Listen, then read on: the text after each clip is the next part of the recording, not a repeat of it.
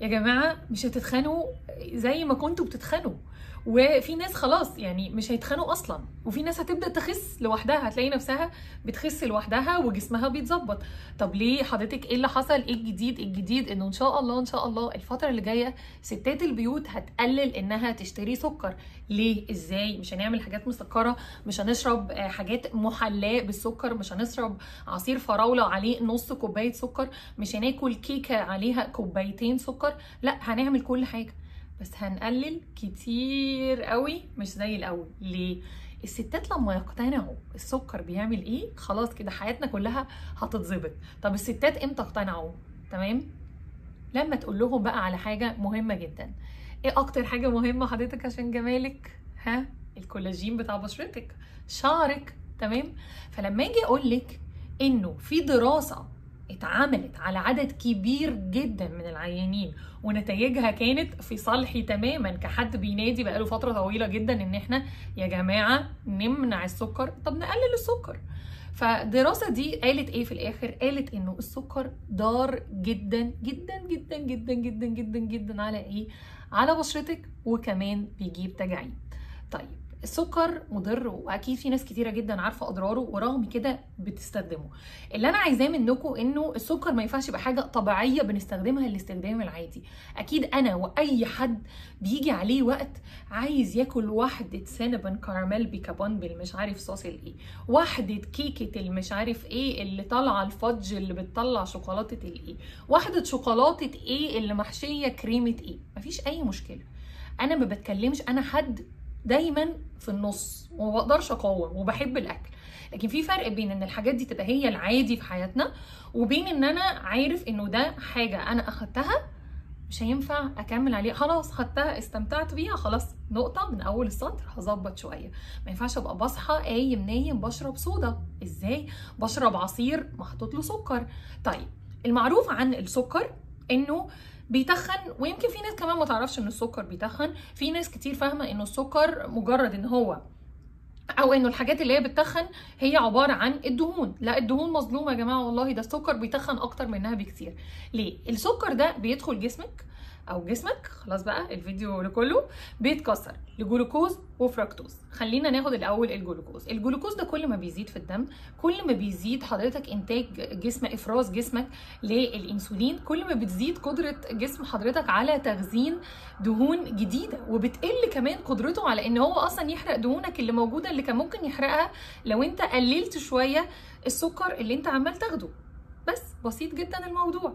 دي قصة. يبقى أنا دلوقتي بقيت بكون دهون وبقلل إن الدهون بتاعتي تتكون وبلس إن أنا هدخل في قصة تانية بقى اللي هي حساسية الإنسولين مرض السكر من النوع التاني مشاكل كتيرة قوي الكرش بقى اللي مش ظريف مشاكل كتيرة قوي إحنا في غنى عنها. طيب نيجي بقى على الفركتوز الفركتوز ده لطيف جدا. ده حاجة ظريفة قوي.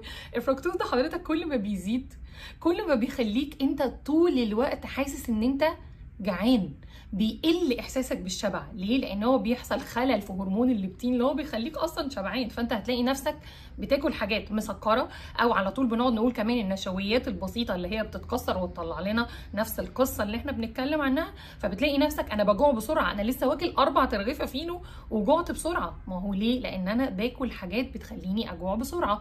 الحاجات المسكرة بتخلينا نجوع بسرعة. فيبقى أنا آخد بالي من حاجة زي دي. حاجة تانية بقى جسمي مش هيقدر يخزن كل كميات السكر دي على هيئة جلايكوجين عشان يستخدمها في الطاقة. عشان كده بنقول النشويات مهمة مفيش نقاش بس بطريقة معقولة. جسمي مش هيقدر يخزن كل ده فإيه اللي هيحصل؟ هيبدأ ندخل في قصة بقى تانية خالص إنه هنبدأ ندخل إن الكبد بيخزنها في صورة دهون فنبدأ ندخل في قصة الكبد الدهني. بالراحة مش بكرهكم في السكر خالص بس بعد بقى قصة الكبد الدهني والدهون والكلام ده هتبدأ بقى ندخل بقى في بشرتك. حضرتك بشرتك أنا قاعدة أهو في الشمس الحمد لله عشان كده بشرتي باينة كويسة بس يعني لو كملت على سكر لأ مش ولا شمس هتنفع ولا make up هينفع ولا أي حاجة هتنفع. هتبدأ تظهر دهون اللي هي بتبقى pimples صغيرة كده وتبدأ تظهر بقى حبوب الشباب وتبدأ تظهر مشاكل. في ناس تظهر لها دهون في إيديها وفي رجلها تلاقي نقط كده مش الدهون اللي هي بقى دهون مش هتلاقي خدود مش اسمه إيه مش filler تمام؟ لأ ده هيعمل دهون تعمل مشاكل.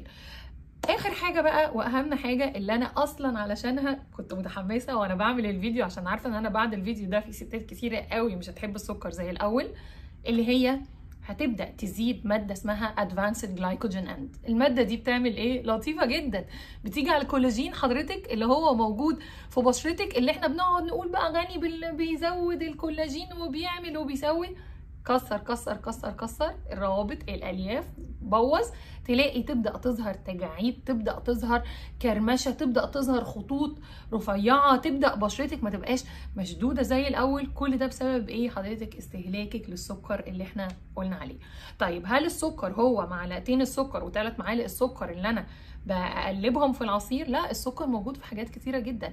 اولا لازم تكوني ذكية وانت بتشتري أي حاجة تقري إيه اللي مكتوب على العلبة. عادة بيبقى مكتوب مضاف إليه سكر خام، ليه؟ لأنه في أنواع من أنواع ال granola bar وال protein bar الحاجات اللي very healthy دي مضاف إليها سكر خام.